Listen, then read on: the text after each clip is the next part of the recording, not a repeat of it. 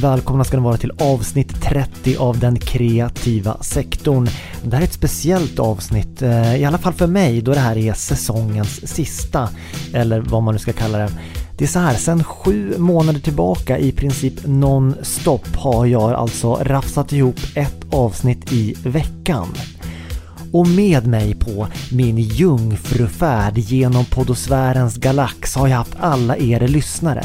Mitt i slask, utkast, långa monologer och ett oändligt antal loopar så har ni följt med mig genom outforskat territorium i den nyupptäckta genren kvantitetskreativitet. Från två totala doldisar som egentligen är en enda och de här två heter Bengt Randahl och Martin Edsman.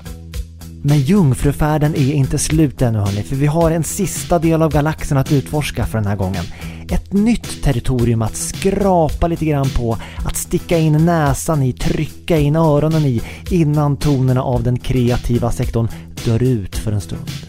För att förhoppningsvis återkomma i en ännu starkare styrka i den oförutsägbara men ändå mycket berömda framtiden. Välkomna till avsnitt 30 som vi har valt att döpa till Festivalarmband och bollspelsfokus. Trevlig lyssning. I want to break free.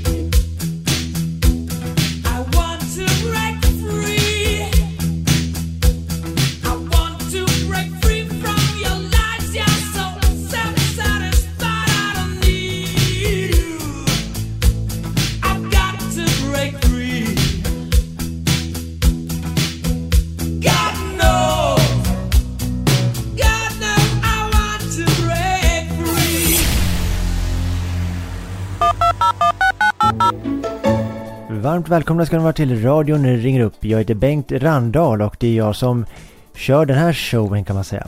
Det här är ju som eh, Ring P1 i den statliga radion men eh, ja, med, med den stora skillnaden är att här ringer inte så många in. Det är mest en person som ringer in. Ja, vi ska väl se om vi har med oss honom här i programmet. Eh, visst har vi dig med oss, eh, Lennart Seger? Jo, men sj- självklart är jag med här idag igen då. Härligt att vara med så att säga. Ja, det är ju bara du som hört av dig. Men du får plats idag igen och eh, vad är det du har tänkt på den här veckan Lennart? Jo, men det var det här med fotbollen då som jag kände att jag ville prata lite grann om då. Ja, just det ja. Du kollade kanske Sverige-Spanien-matchen här då? Jo, jo men jag, jag gjorde ju det och det är ju tre timmar av mitt liv jag aldrig kommer få tillbaka då så att säga. Och det är ju inte som att jag inte har annat att göra än att sitta och titta på någon match som, som aldrig kommer till något slags resultat då. Nej, nej just det ja. ja. Jo, jag förstår att du är väldigt upptagen med betydligt viktigare saker i livet Lennart. Det är därför du har tid att vara med här varje vecka. Jo, jo men det, har- det har jag ju. Ja, så, så då i alla fall har jag en idé då för att se till att det inte blir några oavgjorda matcher och man får den där känslan av att man har gjort något helt i onödan då så att säga. Och då pratar jag inte om att man ska spela sudden death eller, eller vad det heter, utan istället så har jag en annan idé då. Jag tänker nämligen så här då. Varje gång det blir oavgjort i en match sitter det ju ett gäng gubbar i kostymer i ett fruktansvärt stort bord i TV och berättar om vem som förtjänade att vinna i en evighet samtidigt som man tvingas titta på repriser då. Men, men, men sen är det ingen som tar den själva sakfrågan vidare då. Du, förlåt, men vad är det som du vill komma fram till Lennart? Vad är din lösning på problemet? Det blir lite långrandigt här. Jo, jo men det ska, jag, det ska jag berätta för dig. Jag menar, det självklart borde ju sporten och, och fotboll vara precis på samma sätt som Eurovision då så att säga. Jag menar att man som tittare får ringa in då och rösta på vilket lag som borde vinna då va. Jag menar att i slutet av matchen, om, om den är oavgjord då, eh, att programledaren helt sonika tittar in i kameran och så, så säger han bara så här, ja nu öppnar vi slussarna. Och så får man ringa in då och, och, och rösta på vilket lag som förtjänar att vinna då. Och då kan vi samtidigt då samla in pengar till barn då med, med cancer och, och allt vad det är va. Och så får man ju både en vinnare och de som har det jobbigt, ja men de får hjälp. Jag menar, för, för mig är det uppenbart att det, det är två flugor i en smäll då så att säga. Ja, det är en spännande idé. Vi ska se om vi kan få tag på gubbarna på Fifa och se vad de säger om saken. Jo men hörru du, det borde ju stråla så om du kunde få med det i nästa säsong av sektorn. Och då kan jag ju ta upp det med dem då så att säga. Ja, eller om, om de lyssnar på det här, någon, någon Fifa-personlighet då, så kanske man blir inbjuden till, till, någon slags konferens-EM eller något, något liknande. Pra, prata om det va. Ja, tack så mycket Lennart. Då, då hörs vi framöver. Ja men du, tack och, och ha en bra dag nu. Roligt att prata med dig Bengan.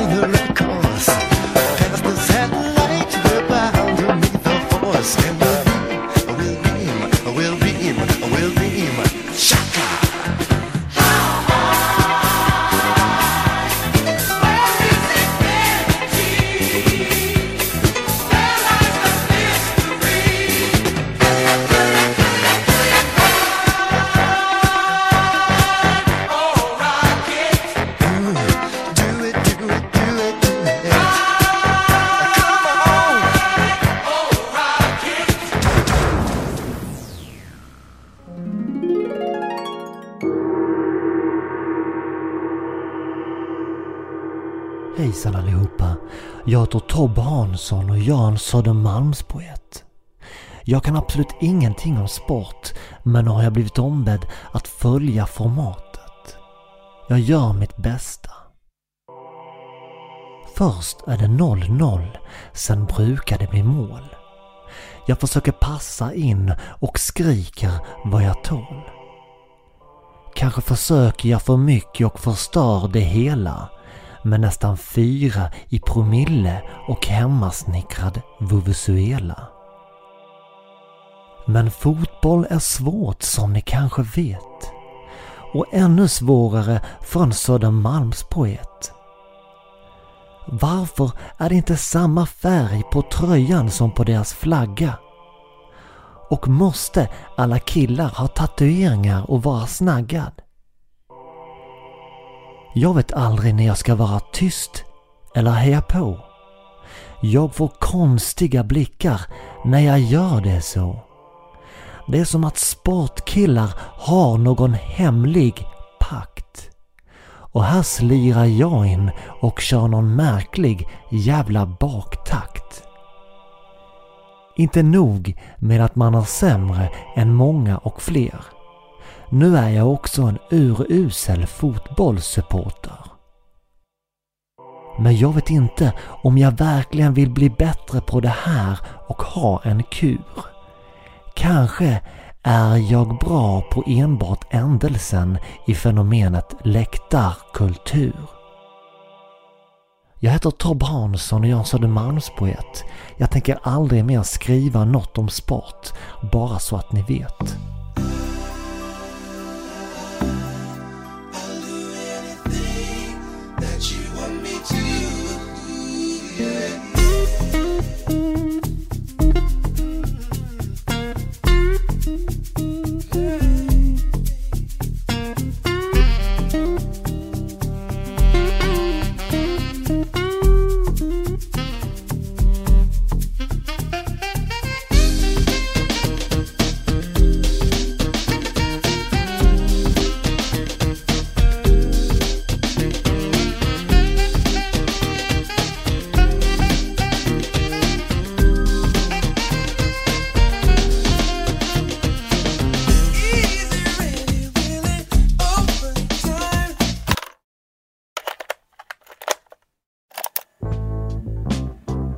Hejsan, jag heter Martin.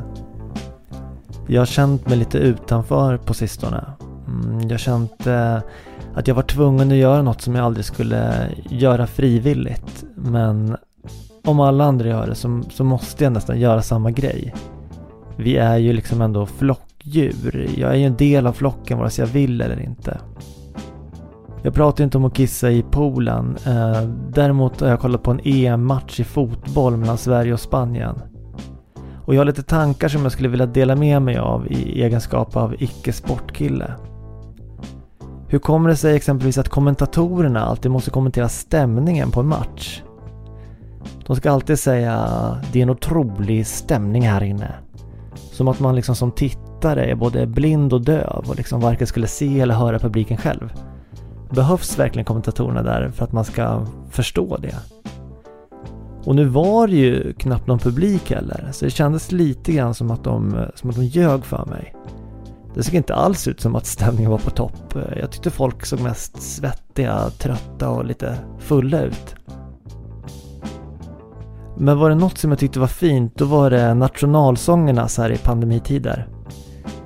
Jag tänker att eh, aldrig har det varit så lätt att sjunga med i en nationalsång som när man har ansiktsmask på sig. Det är liksom ingen som kan genomskåda att man som lagkapten efter 140 landskamper fortfarande inte lärt sig texten på en låt.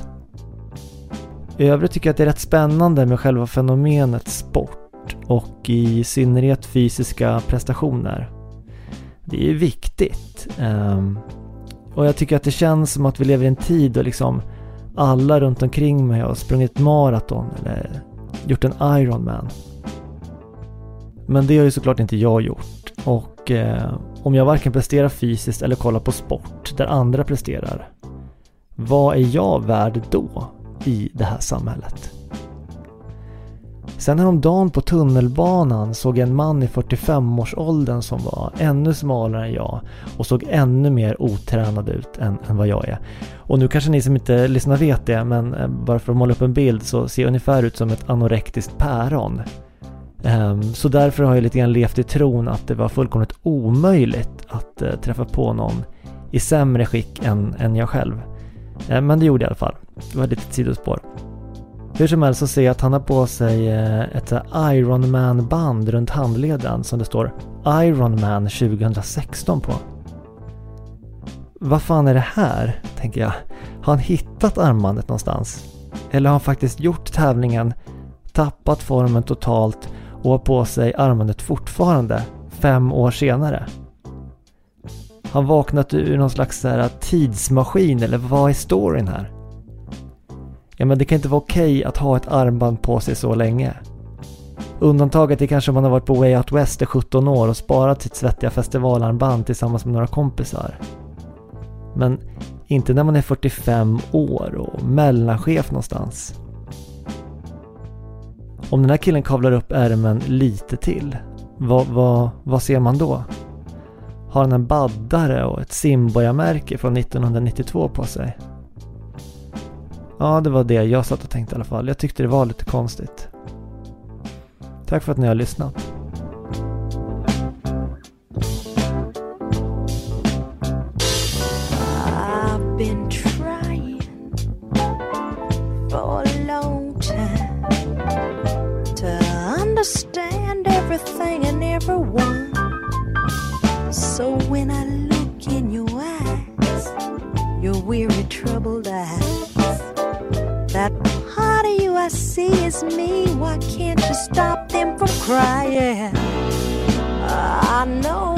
Going through, yes I do. That's why I'm gonna be here oh, when you need me. That's why I'm gonna give you all the love I have. Cause you're one of those special people, yes, I. I'm gonna keep you here,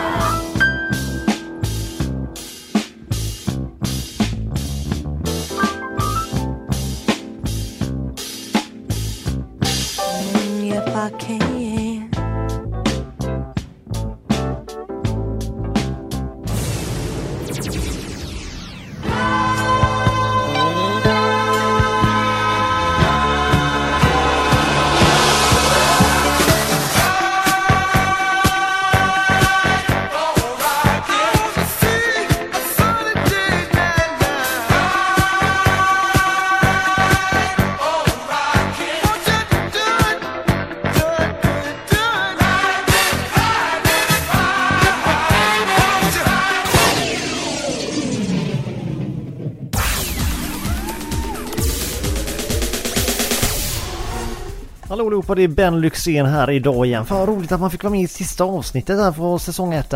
Rågött att det här är någon sport också som jag tycker är så in i helvete gött alltså. Okej, håll fast nu för nu blir det fotbollsordvitsarna då. Vad röker helst en fotbollsspelare? Visselpipa! Vilken är den allvarligaste skadan en fotbollsspelare kan dra på sig? Stolpskott! Varför byter lagen planhalva i halvlek? Gräset är alltid grönare på andra sidan. Vad kallar en fotbollsspelare ett skämt som inte är helt färdigskrivet? Ett utkast. Hur avgör man vem som ska lägga straff? Man tar han som är straffmyndig. Hur peppar man med spelarna innan det är match? Med en målbild. Åh jävlar hörru. Heja Sverige nu och heja den kreativa sektorn. Ska vi se om det blir någon jävla guld här då. Ja, ha det bra, hej.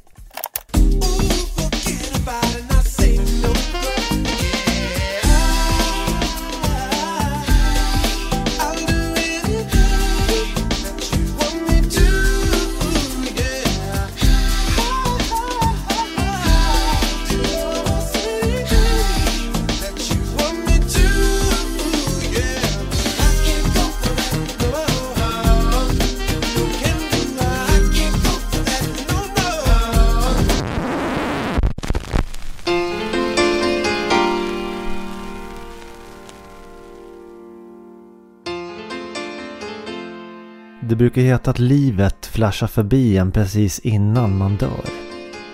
Vilket alltid gjort mig lite orolig då min erfarenhet av klippare är att de alltid behöver göra minst nio utkast liksom, av en film innan jag är helt nöjd. Kommer min ihopklippning i slutet av livet verkligen bli så bra som jag hoppats på? Eller liksom, kommer jag ligga där döende och ha massa grejer att anmärka på? Jag vet inte. Men då önskar jag att det vore en katt. De har ju nio liv. Och därför borde de ju liksom se sitt liv flasha förbi nio gånger. Och då finns det ju rum för förbättring. Eh, när man har dött en gång kan man gå till sin inre klippare och, och be dem klippa om lite. Men som ynklig människa, då har man liksom inte den förmånen. Man har ju heller inte förmånen att bli matad hela livet eh, heller. Eh, som människa får man ju bara mat när man är nyfödd och när man ska dö och bo på hem. Ja, det var en side-note. Eh, nu ska ju varken podden eller jag gå och dö. Eh, det är i alla fall inte planerat. Men det är ju liksom en del eh, som flashar förbi i alla fall mitt inre när jag liksom tar mig till slutet av ett projekt som jag jobbat eh, länge med. Tob Hansson, Lennart Teger, Folke Medicin, Ben Lyxzén, Sonny Jäger, Mohammed Albin Fäker Bengt Randahl. Det är liksom några av alla röster som fått liv under de här sju månaderna. De har liksom utvecklats och till viss mån även avvecklats eh, i den kreativa sektorn. Jag vill också passa på att säga ett stort tack för alla er lyssnare som har funnits där, som finns här just nu. Ni är fler som har kommit med eh, hejarop, eh, kontinuerlig feedback och peppat mig under produktionen av de här avsnitten och det har betytt jättemycket. Så jag tänkte några av er skulle jag vilja tacka speciellt. Tack till Krille, tack till Dennis Falkvist, familjen Strömström, Alfred, Marcus, Alex, Lena och Janne och såklart min klippa Sun. Utan er hade det inte varit lika roligt och lika lärorikt. Hörni, vi ses när vi ses och vi hörs när vi hörs. Ha en fortsatt trevlig resa i livet life.